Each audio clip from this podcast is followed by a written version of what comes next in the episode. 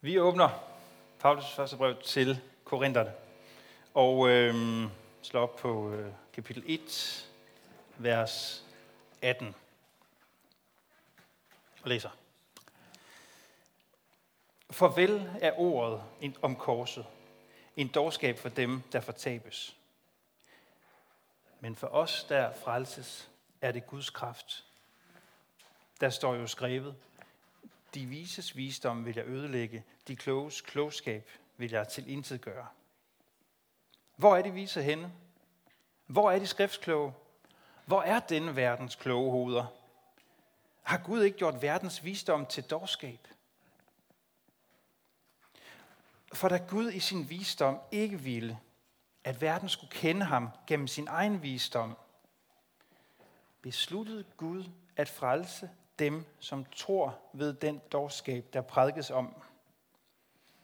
For jøder kræver tegn, og grækere søger visdom. Men vi prædiker Kristus som korsfæstet. En, en forarvelse for jøder og en dårskab for hedninger.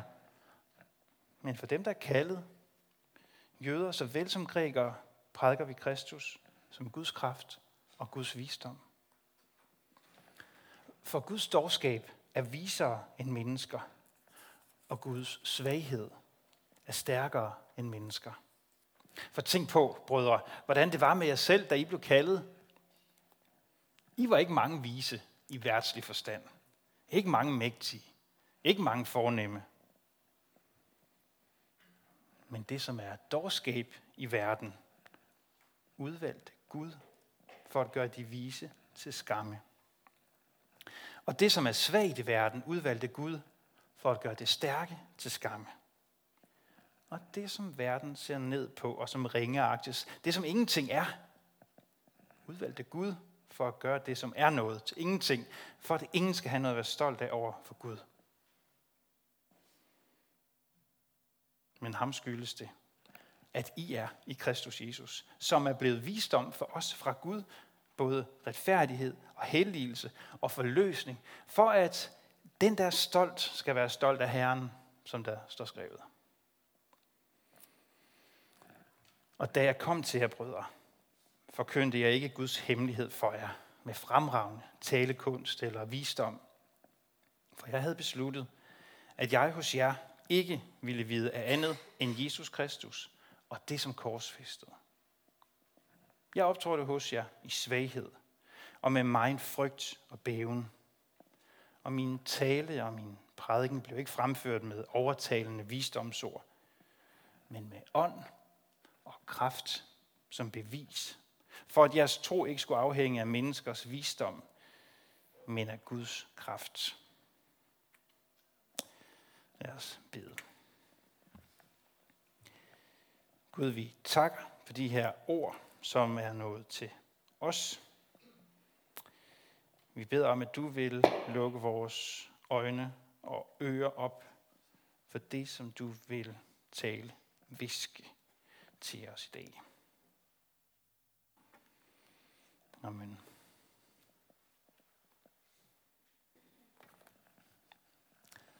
Det var noget af en uh, læsning.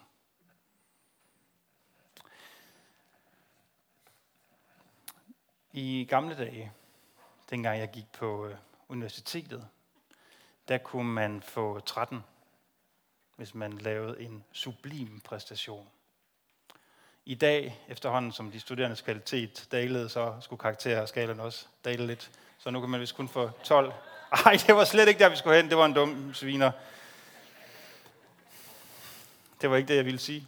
Det, jeg ville sige, det var, jeg kan huske, den der fornemmelse af, sidde til eksamen, lave en sublim præstation, få 13 tal af læreren, og så alligevel ind i sig selv tænke, godt han ikke spurgte om det her, fordi så havde jeg været for glat is. Eller, uha, hvis han havde boet i det der, så var det gået helt anderledes. Eller, hy her, det var også, fordi jeg trak et virkelig, virkelig godt spørgsmål. Måske kender nogen af jer lige præcis det. Det kan også være, at I er gode til at øh, lave et hus i stand. Og der kommer nogle venner og, viser, viser, og I viser det frem, og de siger, hold fast, hvor er det blevet flot. Er du sindssyg, hvor er den væg spartlet flot. Men du ved, at lige præcis derovre i det der hjørne, der er der noget, som ikke er helt okay. Hvis man trykker på det, så buler væggen lidt ind. Og du sidder bare og tænker, det er ikke flot, det er ikke flot. Hvis du nu trykker der, så, så vil du se, at det huset faktisk bare lige er et lille tryk for at falde sammen. Hvis du har oplevet det, så ved du noget om, hvad symptomerne er på at have det syndrom, som hedder imposters syndrome. På dansk kan det oversættes til bedragersyndromet. Det er et syndrom, som et øh, par psykologer i slutningen af 1970'erne øh, sat ord på, for at beskrive, hvordan de oplevede rigtig, rigtig mange mennesker i den unge mennesker i den vestlige verden havde det. Hvis du har imposters syndrome, så føler du dig, så føler du dig som en bedrager. Som en, der har fået en karakter, du faktisk ikke fortjent, eller en kærlighed, du faktisk ikke havde fortjent. Og du tænker, uh, hvis de bare vidste, hvis de, hvis de bare vidste det her, eller jeg har dybest set ikke ret til at være her. Hvis du har imposters syndrome, eller noget, der ligner, så har du en tendens til perfektionisme. Du har tendens til at øh, arbejde alt for meget. Du er bange for at fejle. Og du underspiller dine egne bedrifter, hvis der er nogen, der roser dig for den. Bedragersyndromet, det findes også i åndelig forstand. Nogle af jer, som sidder her, I vil sikkert have det sådan, uh, hvis bare han vidste det her om mig, så vil han ikke sige, at vi alle sammen er velkomne. Eller det kan godt være, at du siger, at Guds nåde, den er, gælder for alle, men hvis bare du vidste. En erhvervspsykolog i Danmark, der arbejder med det her på en øh, række virksomheder, han siger sådan her, mennesker, der er påvirket af det her, øh, øh, den her oplevelse, som man så nogen kalder imposters syndrome, bedragersyndromet, de er konstant bange for, at døren bliver smækket op ind til kontoret, og at alle råber, du kan jo ingenting. Og han siger, u, u, ligegyldigt hvad du opnår, så føler du, at det ikke er din egen fortjeneste. Man troede engang, at øh, det her syndrom det var særligt forbeholdt unge kvinder. I dag så ved vi, at det var egentlig bare, fordi kvinderne var de eneste, der var modige nok til at være åbenmundet omkring, hvordan de havde det. Tegnene på det her findes i alle samfundsgrupper og samfundslag, særligt de øverste. En svensk undersøgelse viste, at op mod halvdelen af alle svenske erhvervsledere, de lider af det her syndrom. Amerikanske undersøgelser vurderer, at op mod 70 procent af unge, succesfulde mennesker i den vestlige verden i en eller anden udstrækning mærker det her bedragersyndrom. Og mange af dem, som præsterer bedst, alle dem, som får de bedste karakterer, de bedste jobs, de smukkeste kærester, de er fanget af i en forestilling om, en dag så bliver jeg afsløret. En dag så bliver døren sparket op, og alle de råber bare, du kan jo ingenting. Du kan gøre det skide godt i dit arbejde. Du kan få bekræftelse af alle omkring dig, og så alligevel gå rundt med en helt grundlæggende fornemmelse af, at du er en bedrager. At du ikke gør det godt. Og det er fuldstændig ligegyldigt, hvor godt det egentlig går for dig, og hvor meget bekræftelse du får fra mennesker omkring dig. En kendt dansk skuespiller, Jens Albinus, som nogle af jer kender, han øh, bliver interviewet om det her, og han siger, hvad i alverden taler folk om, når de siger, at jeg er god, tænker man, siger han. En dansk sangerinde med en vis succes siger i et interview, at hun misunder Nick og Jay. Der kan man godt komme hen åbenbart.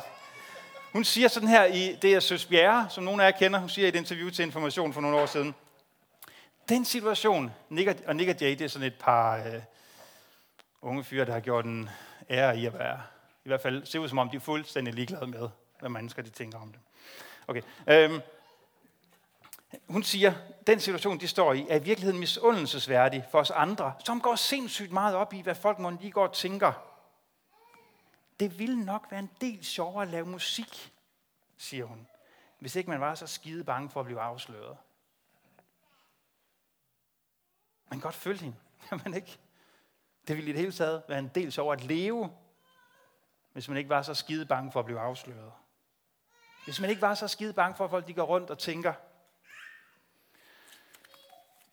Og nu ved jeg godt, nu, når man har et syndrom, som man siger, at op mod 70 procent af alle vestens unge lider under, så øh, har man måske også lavet en betegnelse, der er så tilpas bred, at vi kan sige, at vi alle sammen i en eller anden udstrækning ramt af dem. Og de 30 procent, der ikke er, de har helt sikkert en eller anden diagnose af anden karakter.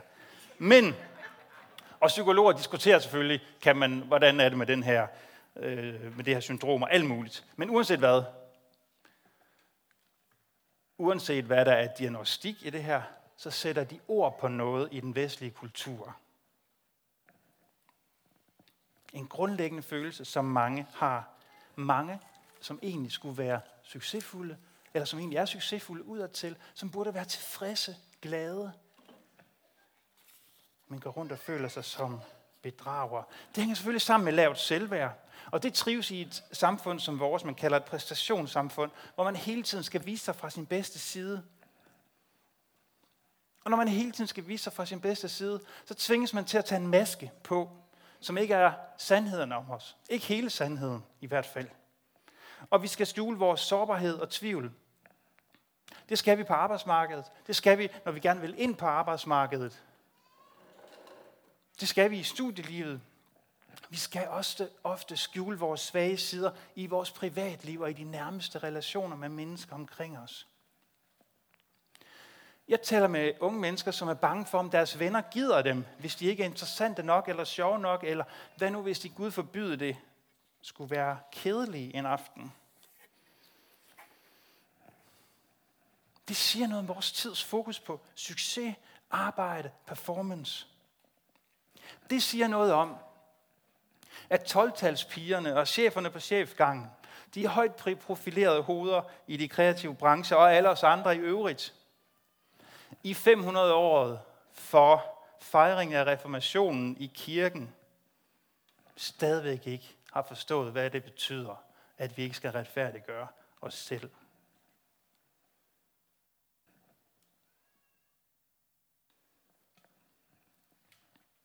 Og det siger noget om, hvor vigtigt det i vores verden er at se godt ud og tage sig godt ud.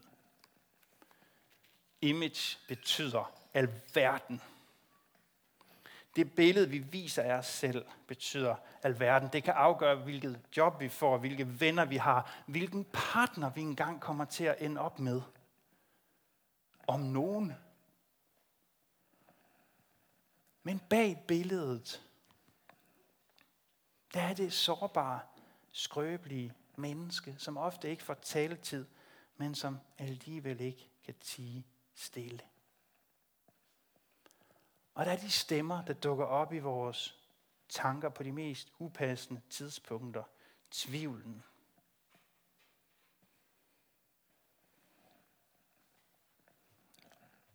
Og vores tids fokus, vores kulturs fokus på det, der ser ud af noget – på de rette billeder, det siger også noget om det, vi ser ned på. Det, vi foragter. Der er i enhver kultur både noget, vi ser op til at beundre. Der er noget, som er efterstræbelsesværdigt, og så er der noget, vi ser ned på, og noget, vi foragter. Og det, vi ser op til, og det, vi ser ned på, det har i virkeligheden ikke ændret sig ret meget, tror jeg, siden Paulus skrev sit brev til den her menighed i den græske by Korinth. Paulus, som, kalder sig den, som blev kaldt den 13. apostel, rejser rundt i Middelhavsområdet, forkynder budskabet om Guds nåde i Jesus Kristus, starter menighedsfællesskaber op. Han havde været i Korinth, han havde grundlagt en menighed, rejst fra den, og så havde han hørt om den, at de var i problemer i Korinth. Og som jeg sagde sidste søndag, man må elske den her menighed i Korinth, fordi alt, hvad der kan tænkes at gå galt i en menighed, går galt i Korinth. Og man må elske den, fordi alt, hvad der kan tænkes, at gå godt i en menighed, går godt i Korinth. Det var en gruppe mennesker, der på godt ånd prøvede at være fællesskab med hinanden og virkelig gøre visionen om kærlighed, enhed imellem mennesker. Og der var noget i den her kultur, som mennesker så op til og beundrede, og som de gerne ville forbindes med. Det var det smukke, det stærke, det vellykkede. Tegn og visdom kalder Paulus det, det stykke af brevet, vi har læst her. Det, som ser ud af noget. Fordi det matcher kulturens fortællinger om, hvordan liv, der lykkes, ser ud. Og det er jo cirka det samme billede, vi har i dag. Liv, der lykkes. Prøv at tænk på, hvilke billeder vi har af vellykkethed i vores kultur. Hvordan liv ser ud, når det lykkes, når det er troværdigt, når det er noget, vi gerne vil holde op for andre, vise på Facebook eller efterstræbe. Jeg har stadigvæk til gode at se nogen poste et Facebook live fra et øh, børnefamilies aftensmåltid, hvor alting det går op i kaos. Og hvor børnene de først skaber sig, inden far og mor begynder at skabe sig. Kom og se, hvor sjovt vi har det. Det er jo ikke det, vi viser. Vi viser det vellykkede familiebillede. Det der brøkdel af sekund, hvor det lykkes alle at sidde stille og smile på samme tid.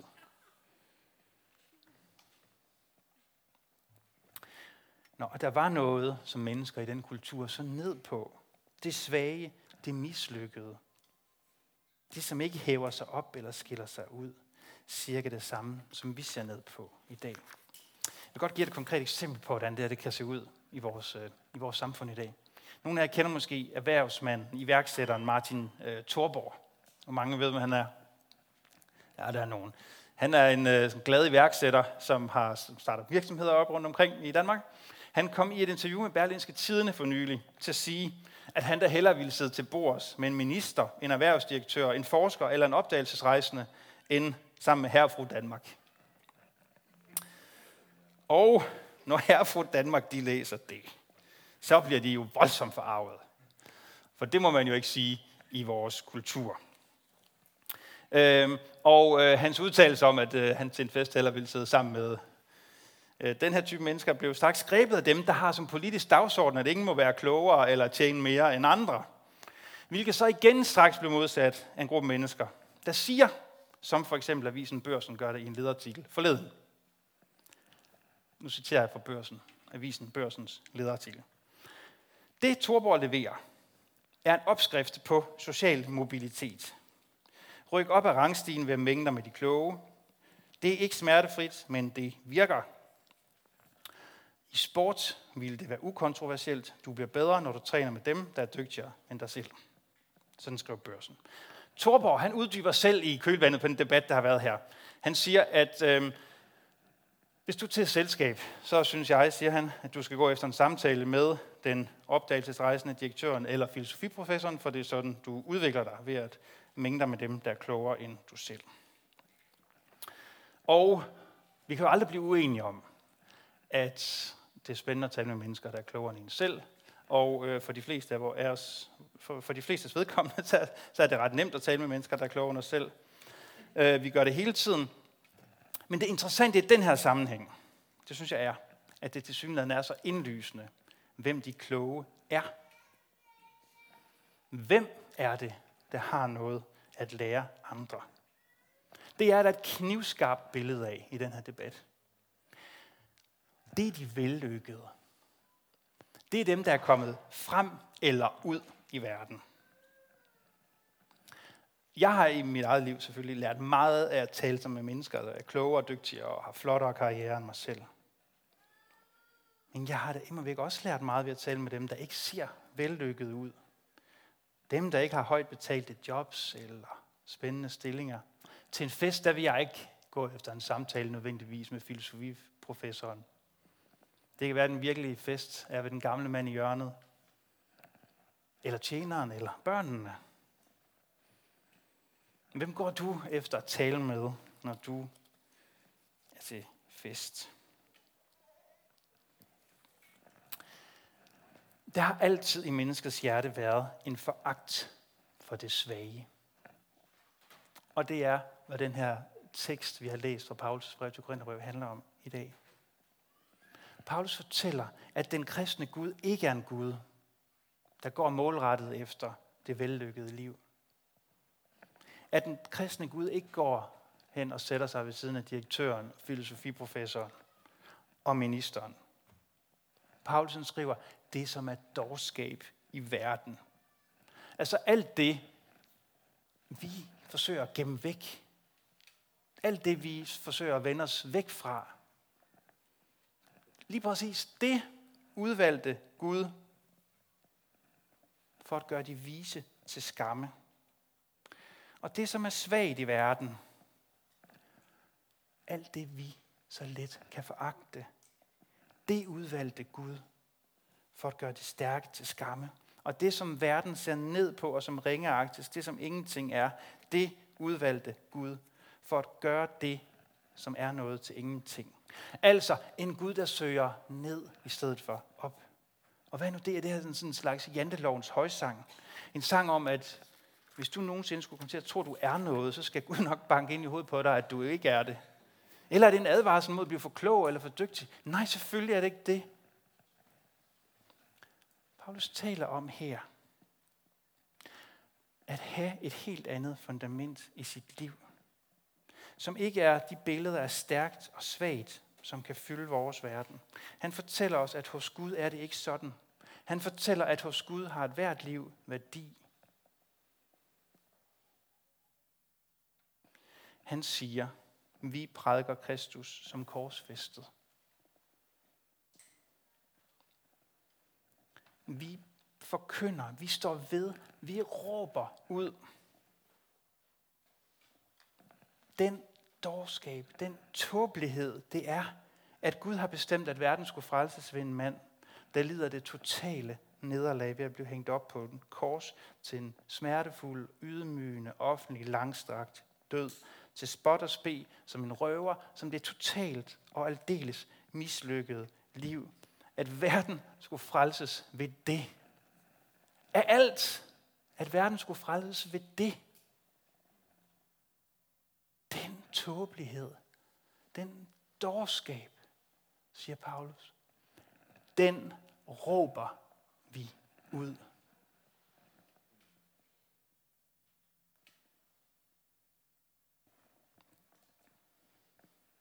Og det modsiger jo alt, hvad vi i vores verden, og hvad man i Korinth for 2000 år siden tænkte om det vellykkede og det gode liv.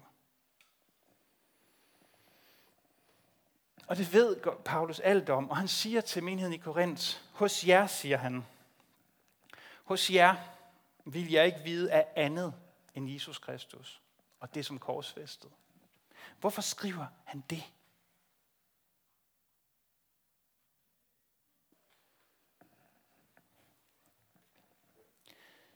Det her er noget af det sværeste. Noget af det mest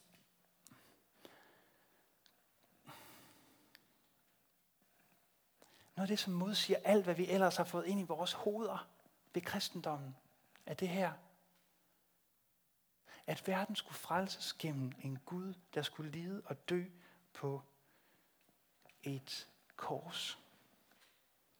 Og vi vil nogle gange bare, nogle gange bare gerne have en Gud, der virker. En Gud, der kan fikse ting. En Gud, der kan lave en tryllekunst, når vi beder ham om det. Vi vil så gerne have en Gud, der virker. Og der er også mange, der er også i mange kristne afarter, hvor man gør, hvor man gør utrolig meget på styr ud af, og forsøge at vise, at Gud er en Gud, der virker. At Gud gør, som vi siger til ham, når vi beder ham om noget. Men Paulus siger, I skal først og fremmest lære Jesus Kristus, Guds søn at kende som ham, der er korsfæstet.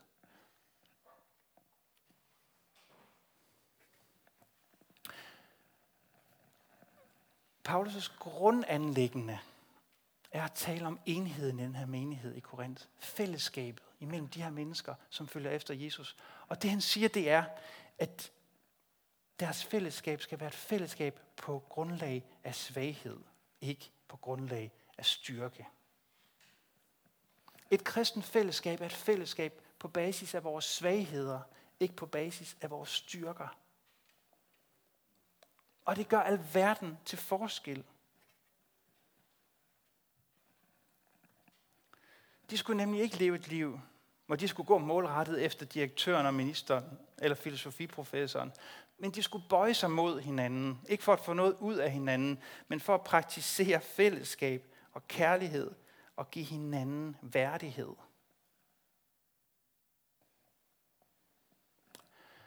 Det er måske nok den måske vigtigste opgave for en kristen kirke er,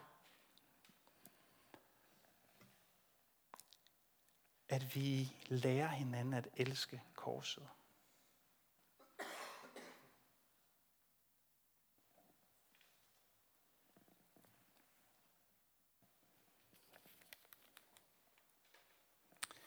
Hvis du elsker det svage, hvis du har lært at elske korset, så kan du også elske det svage her i verden. Hvis du kan elske det svage i dine medmennesker, kan du også elske det svage i dig selv.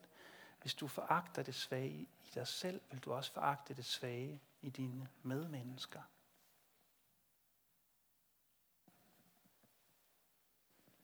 Faktisk kan din omsorg for de svage blive en måde at stive dig selv af på, fordi du tænker, godt jeg ikke er sådan. Nu kan jeg heldigvis hjælpe dem, der er svage.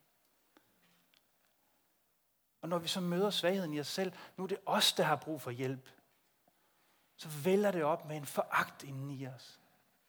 Fordi vi aldrig nogensinde måske havde elsket det svage. Vi havde bare elsket, at vi kunne være stærke i stedet for.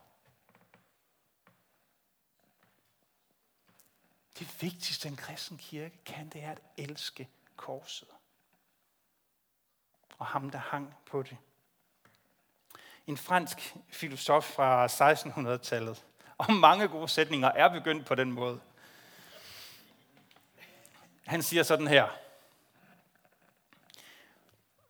Det er Pascal. Det menneskelige må kendes for at blive elsket. Det kender vi alle sammen godt. Hvis man skal kunne elske de øh, møgeunger, der kaster mudder op på det ene og det andet, og svarer frægt igen og sådan noget, så skal man kende dem. Det menneskelige skal kendes for, for at blive elsket. Okay? Og så siger han, men det hellige må være elsket for at kendes. Mysteriet i det her er dybt. Det hellige må være elsket for at kendes. Gud vil frelse verden ved Kristus på korset. Den ultimative tåbelighed. Fordi ikke noget af det, vi selv kan gøre, vil frelse os. Og de, der ikke elsker korset, de ser på det og griner. Ha! Det var dog en åndssag fortælling. Kan vi få et bevis på noget, der virker? Eller, ha, det er for primitivt. Giv os noget, der passer lidt mere til vores niveau. Og det kan være, at du tænker sådan, du som hører det her. Men, men du der tror på Kristus, du må elske det kors og budskabet om den korsfæstede, der elskede så højt, at han gav sig selv, strakte kærligheden til det yderste og lidt længere endnu. Ligesom øh, hende, der har stillet op til det her foto, må have gjort det. Jeg fandt sådan et billede af en, øh, en kvinde, der har fået øh, tatoveret korset på hele sin ryg. Jeg synes, der var noget smukt, noget vidunderligt over det der.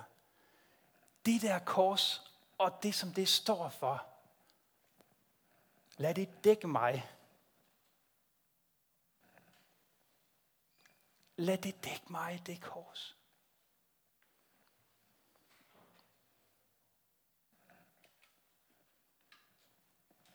Og når det gør det, så giver det os frimodighed til at være nøgne, sårbare, skrøbelige. Ligesom kvinden her på billedet er det. Til at lade maskerne falde. Til at indgå i fællesskaber, der ophøjer det foragtede. Og hvor i vores verden finder du fællesskaber, på, der er grundlagt på svaghed? Hvor i vores verden finder du fællesskaber, der ophøjer det, som er svagt og mislykket og foragtet?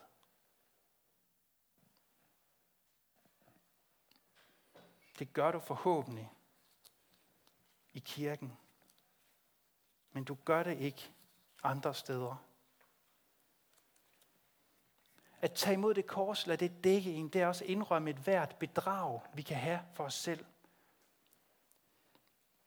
Og så behøver vi ikke at leve med fornemmelsen af at være bedrager mere. Når vi har indrømmet, at vi kan ikke klatre op ad stigen til Gud.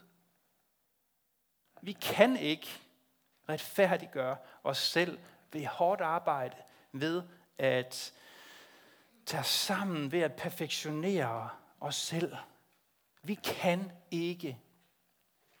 Vi får lov til at blive afsløret som bedragere og tage imod den frihed, det er,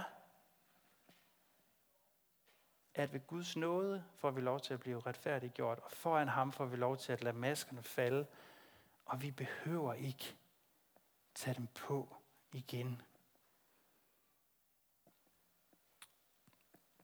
For snart 500 år siden, så blev tanker som de her øh, startskud til det, vi kalder reformationen. Og de blev hamret op på kirkedøren i byen Wittenberg.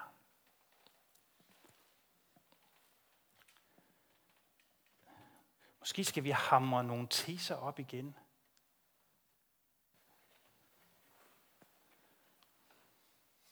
Måske skal vi igen med syv tommer søm, eller det der er værre, hamre det her op, råbe det her ud, stå ved det her for vores verden, for vores kultur, at det, som er svagt i verden, er det, som Gud han har udvalgt for at vise sin overstrømmende nåde. Og at alt liv, at alle liv, selv i dets mest ynkelige og ondselige skikkelse, for uendelig værdi, og det inkluderer dig. Amen.